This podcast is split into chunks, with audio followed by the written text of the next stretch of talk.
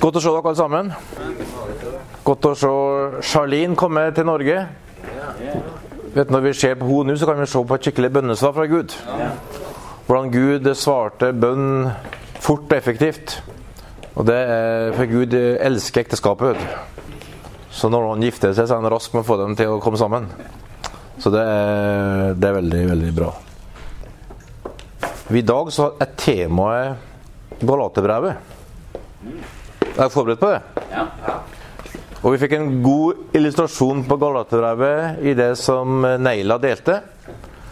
Eh, som er bare fantastisk. Fordi at eh, Galaterbrevet er skrevet for 2000 år siden. Og er like aktuelt en dag i dag. Her har du dagens forside på VG nett klokka ni i morges. Der står det sier Trond H. Diseth, som er avdelingsoverlege og professor på Rikshospitalet, sier stadig flere unge legges inn med stressykdommer. Så maler en ut en kultur som er sånn at eh, det er helsefarlig for unge folk å vokse opp i Norge. Han sier vi, vi bare får eh, toppen av isfjellet, men det er skummelt å vokse opp i Norge. Men ikke for oss som har møtt evangeliet. Ikke oss som tror på Jesus. Håper jeg. Tror jeg. Fordi at eh, Galaterbrevet da tar for seg det sentrale, nemlig hva er evangeliet? Og det er utrolig relevant, det er utrolig praktisk, det er utrolig aktuelt i 2016. Ref det som han her eh, skriver. Bare for å ta bakgrunnen, da, så er Galaterbrevet skrevet til en gruppe menigheter i Tyrkia. Som eh, Barnabas og, og Paulus besøkte på sin første misjonsreise. Og som de også besøkte senere. De er ikke helt enige, historikerne, om de besøkte dem to eller tre ganger. Men i hvert fall så ble den starta helt i starten av, eh, av Paulus og Barnabas sin tjeneste. Og da var det flere menigheter som var planta med rekordfart i Tyrkia. Og det er fordi at eh, budskapet var så bra. Og godt budskap gir god frukt. Og det skal vi se på eh, i dag. La oss eh, gå til Galaterbrevet. Skal vi bla der i dag. Få med oss litt stoff derfra. Har mange av dere lest det siste måneden? Var det, fikk dere utbytte av det? Så bra. Hva er det som dere sitter igjen med? Hva er liksom essensen for dere når dere leste? Frihet. Åpenbaring. Frihet. Ja, åpenbaring. Flere ting. Løfte. Liv i Hellig Ånd. Guds frykt, ikke menneskefrykt. Ja, Guds frykt, ikke menneskefrykt. Gode ting. Alt det der er veldig sentralt. Og eh, Det som er spesielt med Galaterbrevet, da, det er at han, han egentlig bruker ikke veldig mye tid til innledninga si her, Paulus. Du ser alle andre brev som bruker en lang tid på å fortelle hvor flott det er, og at de kjenner Jesus, og hvor måten han blir tatt imot på. Han bare går rett på sak, og så sier han her Det undrer meg at dere så raskt, nå er vi kapittel 1 vers 6, vender dere bort fra ham som har kalt dere ved Kristi nåde. Så her er han skikkelig ivrig, da. Han bare sier litt om hvem han er. Så verden går rett på sak. For nå er det noe som brenner. Du bare hører liksom det dirrer i Paulus. Han går liksom rundt, og, rundt grøten. Men går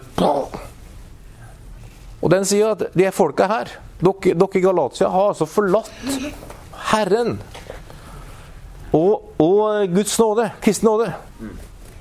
Det er ganske sterke ord. Så han har noe på hjertet her, Paulus, som, eh, som virkelig brenner inn. Og, og, så, eh, og så kan hun spørre eh, Det er ganske sterkt, da. Og da bruker han da tida her eh, etterpå, og så prøver han å forklare at han er apostel. Det er interessant å få med seg. Det er at han da, eh, etter han går så hardt til verks her til dem, så bare går han inn i, fra vers 10 og snakker om sitt apostel, apostoliske kall. Og så går han fra vers 1 i kapittel 2 og forklarer at han vært anerkjent av de andre tolv apostlene, slik at han er en apostel sendt av Jesus. Og det er egentlig sentralt her, fordi at, fordi at en apostel har et budskap fra Jesus. Og han eh, blir eh, egentlig, eh, som vi sier i vers 12 her Da sier han altså i kapittel 1 jeg har, jeg har ikke mottatt budskapet av noe menneske. Nei, det var Kristus Jesus som åpenbarte seg for meg. Så det som Paulus egentlig sier her, er vel enkelt at er sendt av Jesus med et budskap. Og det er viktig at dere får med dere. Og jeg er ikke sendt av mennesker, jeg er ikke sendt av noen folk, jeg er ikke sendt av noen menighet. Men det er Jesus sjøl som har sendt meg. Så det her er viktig. Og det er egentlig grunnleggende i å forstå en, et, et, et, apostolisk eh, oppdrag og en, en, apostolisk tjeneste. Det er faktisk det å, tenke og skjønne at en apostel er opptatt av evangeliet. Det sentrale evangeliet. Det som er uviktig, få det bort. Det som er ikke, sentralt, alle sidespor, få det bort. Få fokus på det viktigste. La resten ligge.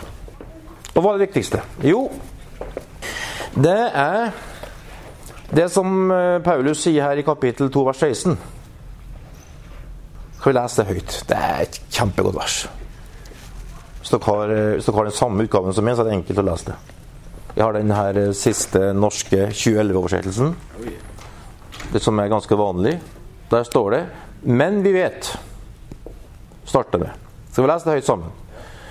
Men vi vet at ikke noe menneske blir rettferdig for Gud ved gjerninger som loven krever, bare ved troen på Jesus Kristus. Det, er, det her er krutt, altså. Det her er gode nyheter. Det her er altså revolusjonerende nyheter. Fordi at det er veldig enkelt sånn at Paulus sier at vi flytter blikket bort ifra oss hva vi får til, hva slags bakgrunn vi har, hvem som er født oss, hvem som er foreldrene våre, hva slags bakgrunn vi har av utdanning, hva slags evner vi har, hva slags eh, Hva vi oppnådd i livet. Vi, alt det er uinteressant. Alt det betyr ingenting. Det eneste som betyr noe, er at vi har møtt Jesus Kristus. Det fjerner skillet mellom kvinner og menn, mellom gamle og unge, mellom folk med brun, rød, gul, blå hudfarge. Det skiller, fjerner skillet mellom godt utdanna og dårlig utdanna. Det fjerner skillet mellom hva som helst av skille du kan finne på. De som spiser svinekjøtt, eller spiser lammekjøtt, eller spiser grønnsaker, eller drikker te, eller kaffe, eller cola, eller hva som helst slags skille. Alle skiller fjernes. Halleluja! Og det blir ett midtpunkt. Jesus Kristus og ingenting annet. Og det er revolusjon. For det fins ingenting i verden som kan samle folk sånn som Jesus gjør. Ellers i verden er det vi og dem. Vi som er slik, og dere som er slik. En verden der alt blir skilt og fjerna, der vi har avstand, der identiteten vår er ja, vi er norsk, eller vi er trøndere, eller vi er RBK-fan, eller vi er vegetarianere, eller vi er fjellvandrere, eller vi er sjøfortsfolk, eller hva vi enn er. Vi har identitet i så mange ting.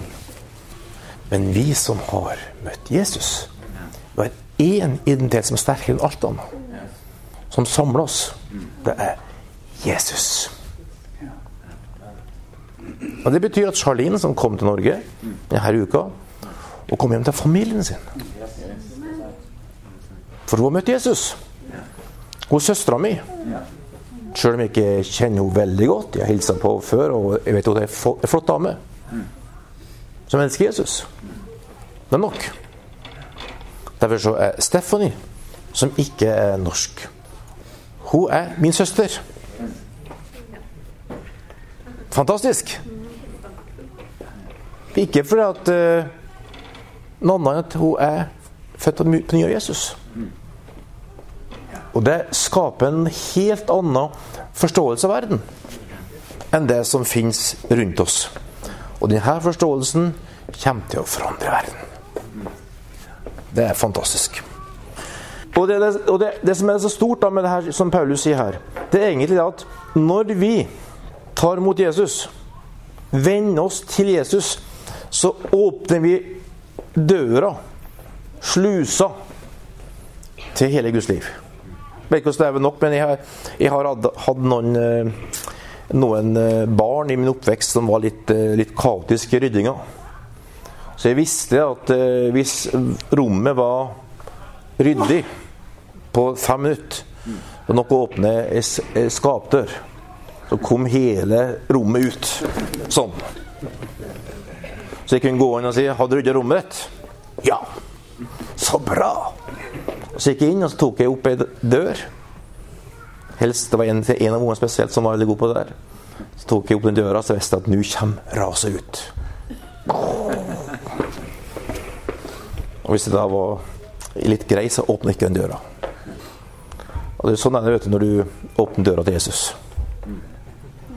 Han sier at det står ved døra og banker på noen, noen eh, åpner døra, da kommer han inn med hele seg. Og vet du hva han kommer inn med? Han kommer inn med rettferdighet. Med fred. Med tilgivelse. Med forsoning. Med nytt liv. Med framtid. Med håp. Med velsignelse. Med, med, alt det som fins hos Gud. Det, der er det liv og overflod for alt. Det er ikke lite, altså. Og det er det han bruker resten av, eh, av brevet på her, da. Paulus. Det er å male ut hvordan det her, eh, det her blir. Og det sier han altså i vers 19 eh, da, i kapittel 2. Der, der sier han altså Ved loven døde jeg bort fra loven, så jeg kunne leve for Gud. Jeg er korsfestet med Kristus. Jeg lever ikke lenger selv, men Kristus lever i meg. Og det livet jeg nå lever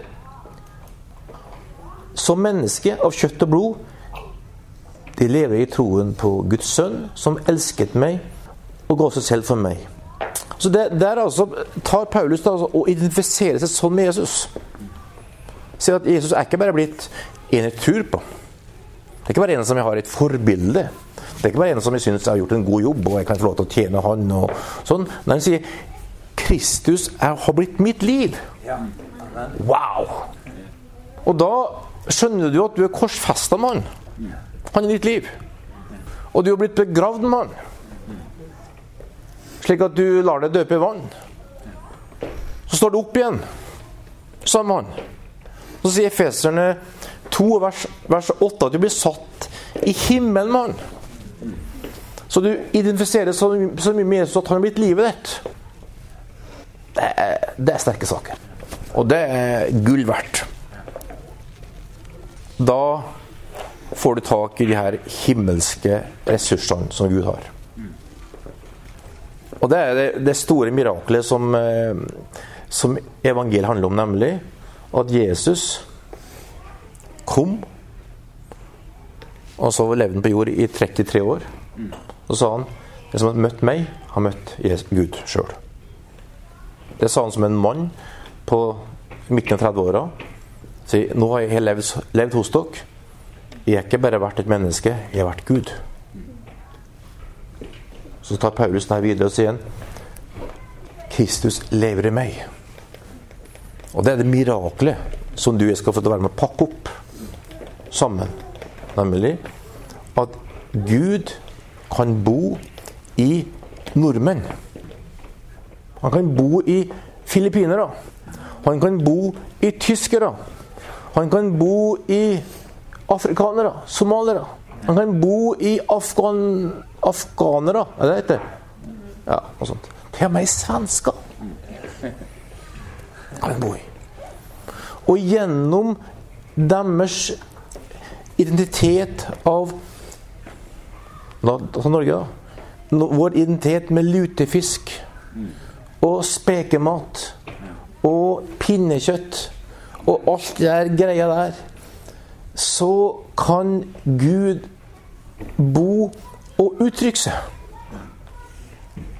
Og gjennom et folk i Trondheim som tror på Jesus Kristus, så kan han uttrykke et liv. Så gjør at Sindre kan si Jeg leter etter meg sjøl. Kristus bor i meg.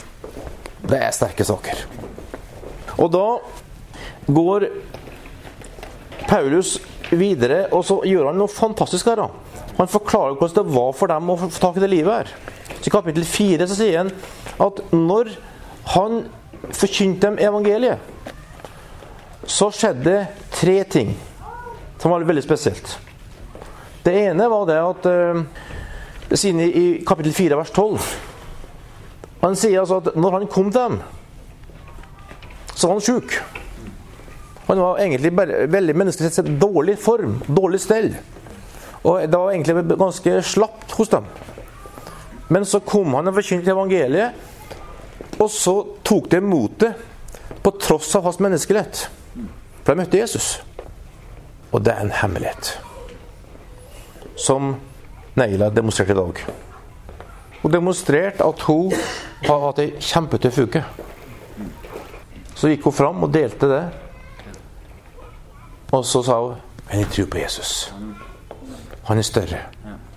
Det har vært vondt, det har vært vanskelig, det har vært eh, trist, men Jesus lever i meg. Så rekte det fall å oppleve det. da. Jeg, jeg, jeg fikk større tro på Jesus etterpå. Jeg opplevde jeg fikk en større kjærlighet til han etterpå.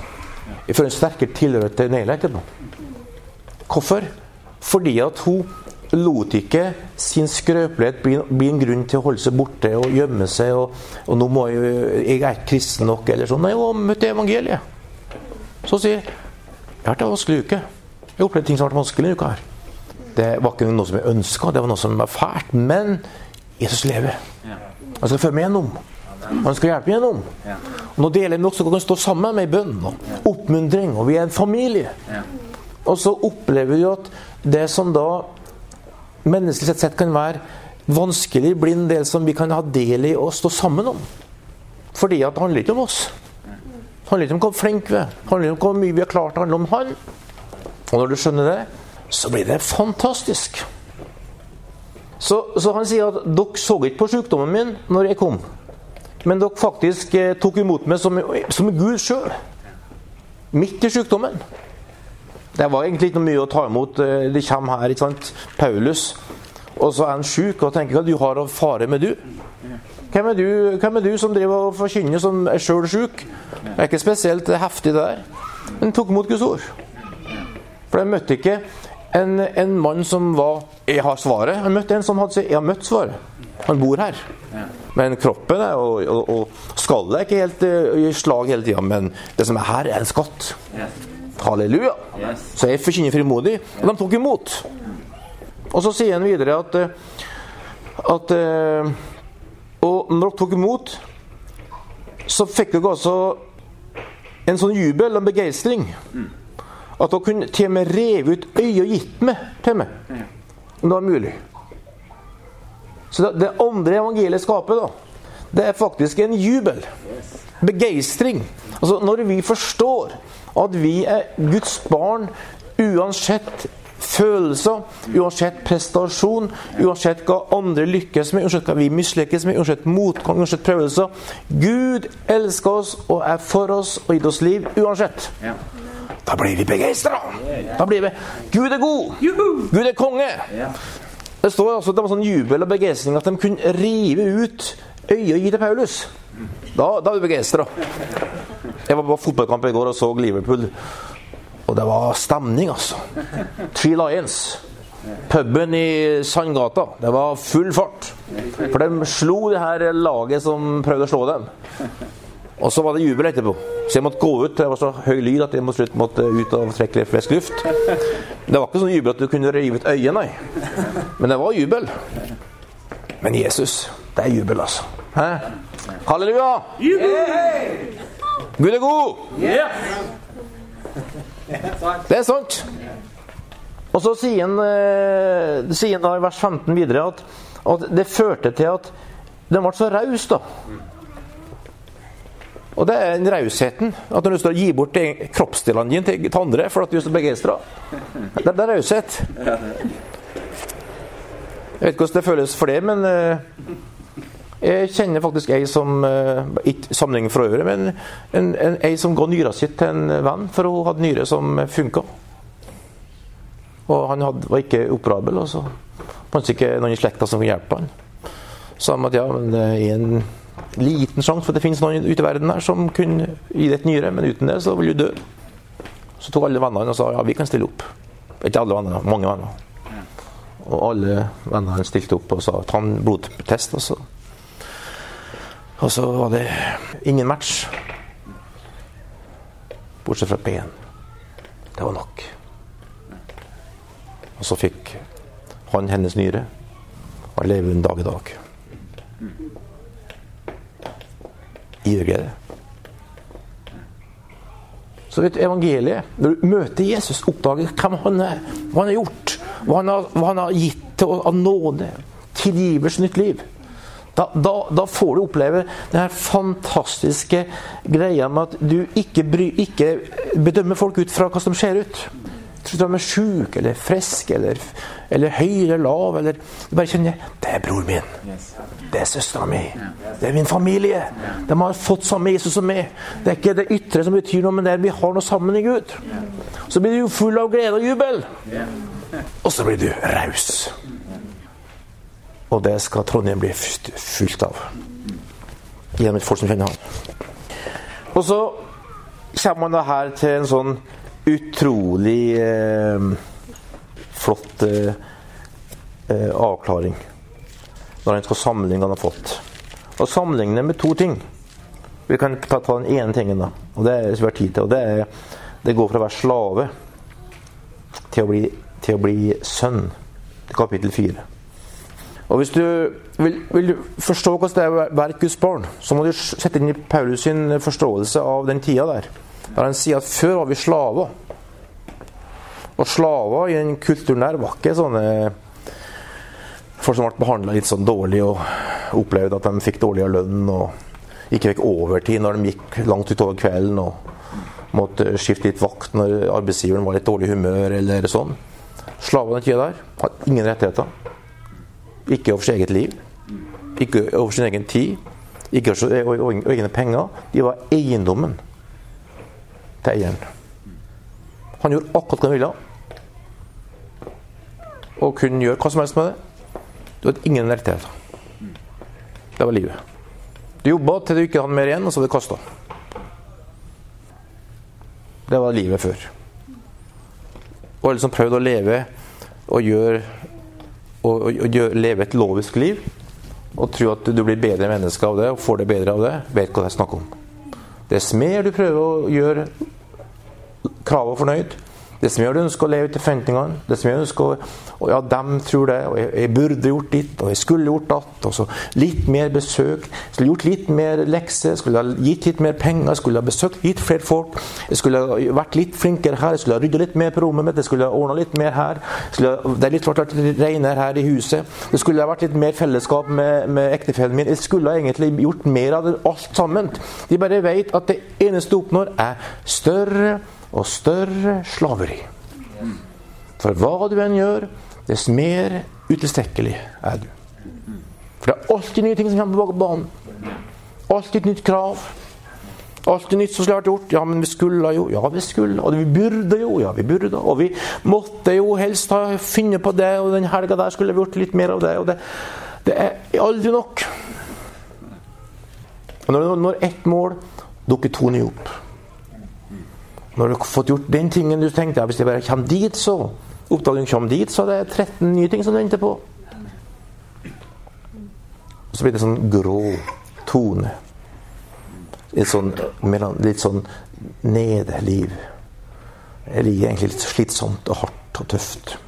Hvis du ønsker å se det livet i praksis, så ta en tur med bussen om morgenen fra en busstopp i Trondheim ned til byen klokka halv åtte-åtte om morgenen og se på et folk som er fylt av slaveri. Det er ikke så løft i det. Men så sier Paulus Men i Kristus så har vi som var slaver, blitt kjøpt fri. Halleluja! Og det, det er det fantastiske. Du står da på slavemarkedet. Kommer man kjøper det. Og Det er jo helt normalt. Der, du, der blir du behandla, du blir sett på, du blir vurdert. Du blir testa ut, du blir eh, veid opp og ned. Og så sier han 'Jeg kjøper det'. Men det fine er, vet du Når Gud kjøpte Sindre, så solgte han på, på, på han. Så på Jesus. Sånn. Det Jesus gjorde på korset, det er godt nok. Ja. Amen. Så du er fri. Amen. Så jeg kjøper det fra slaveriet over i mitt rike. Ja, men du vet jo at Ja, jeg vet det. Men slavemarkedet her er ikke sånn. Slavemarkedet her er et marked der Jesus har kjøpt oss fri. Så Gud ser i Jesu har og sier 'du er fri'.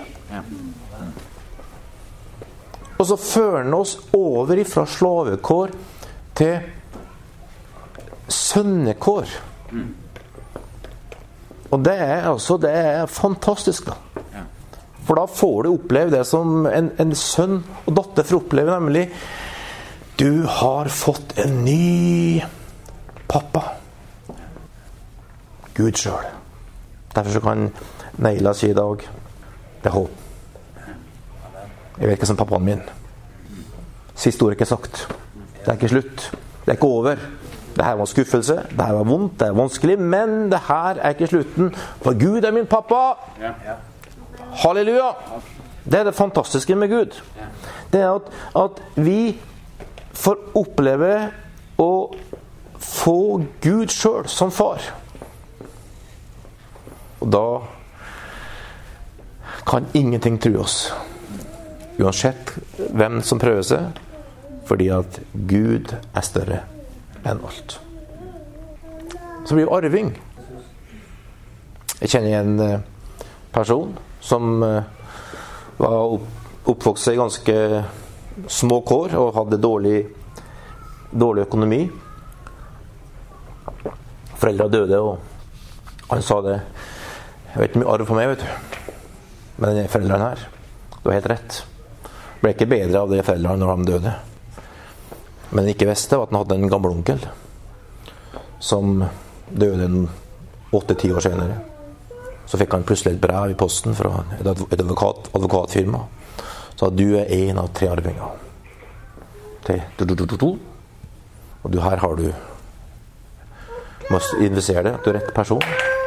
Og så får du en arv. Han ble millionær. Han arva. Helt ut av det blå. Å være arving, det er stort. Og du vet, vi vet at vi er arvinger. Vi vet at vi skal arve et rike som aldri kan rokkes. Vi vet at vi skal arve et evig liv som ingen kan ta fra oss. Vi vet at vi skal arve et håp som lever når døden banker på. Vi vet at vi arver pappa Gud sjøl. Halleluja. Tenk å være arving til Guds eget rike. Halleluja! Så når sykdom prøver seg, og vi ikke får svar første runde, løsning andre runde, vet vi det riket vi får, og har arving til, det skal gi oss noe mye mer. Så vi gir oss ikke. Vi står på. Vi har en arv. Halleluja.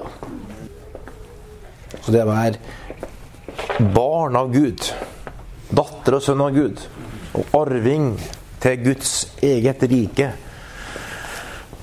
det er det mest fantastiske som fins. Avslutningsvis så kan vi gå til kapittel 5.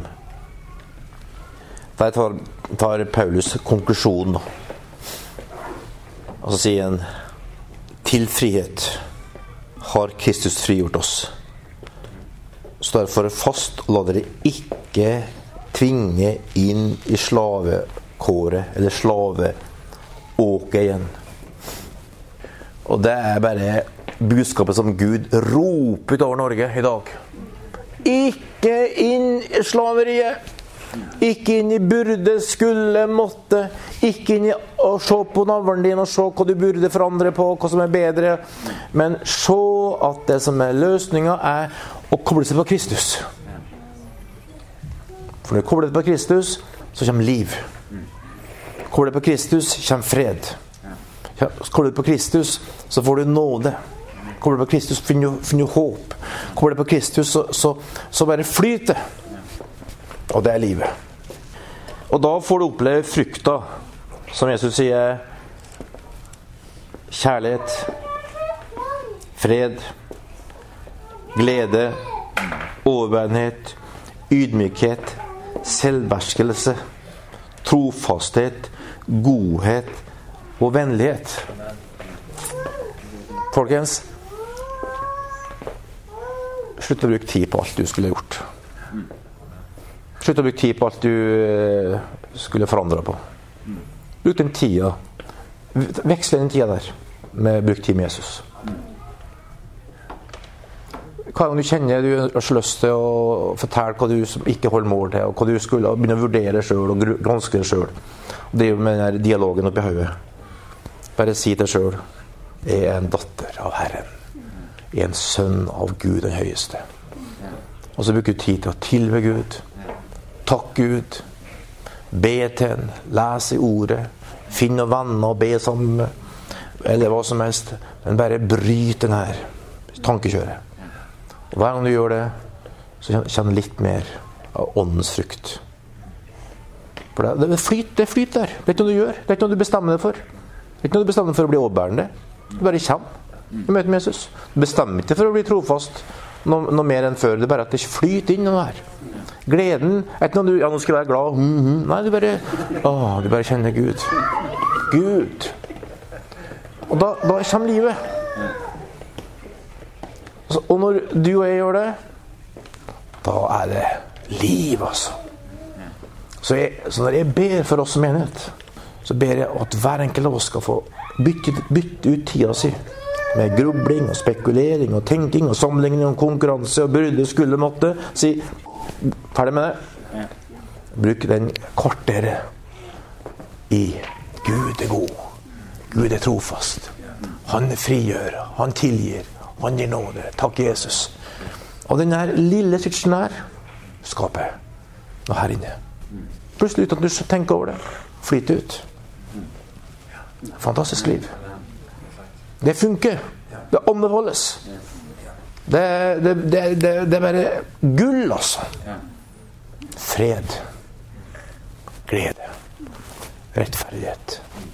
Trofasthet. Kommer fra Han. Gir det. Uten bevegelse. Så Hellige Ånd, nå bare ber vi deg. Du skal komme her iblant oss. Herre, du vet, frukt det, blir fort råttent. Men det er kjempegodt når det kommer. Så Herre, nå bare ber jeg om at du skal la frykta fra det komme hele tida. I vår hverdag. I møte med alle utfordringer. at vi er sammen med de, Herre. Herre, jeg ber om at du skal komme ny nåde over hver enkelt her. Til å ikke bruke så mye tid på alt det som eh, går på å se på oss sjøl. Og vurdere oss sjøl og andre mennesker. Herre, jeg bare ber om nåde for, for, hver enkelt av oss til å få lov til å, å koble på det. Din Hellige Ånd. Til å takke det, lovprise det, drikke av Din Hellige Ånd. Og merke at du fyller, og du gjør det som ikke vi kan. Og du gir liv som ikke vi har i oss sjøl. For det flyter fra det hele tida, Herre. Hellige Ånd, jeg bare ber om, om en ny frihet. En ny glede. En ny takknemlighet en ny overbærenhet. En ny vennlighet og trofasthet blant oss. For at du, Herre, kommer og bare fyller på. Hellige Ånd, takk skal du ha for det. Og Herre, jeg ber om at eh, du bare skal la folk få kjenne en ny, en ny erfaring av å være arving og, og, og datter og sønn av deg. Du som er kongenes kongernes herre. Og vi skal vite at vi skal komme gjennom Vi skal komme gjennom alt det her. Og komme ut og få erfare livet det på en helt ny måte. For du er god, Herre. Takk skal du ha. Takk, Jesus.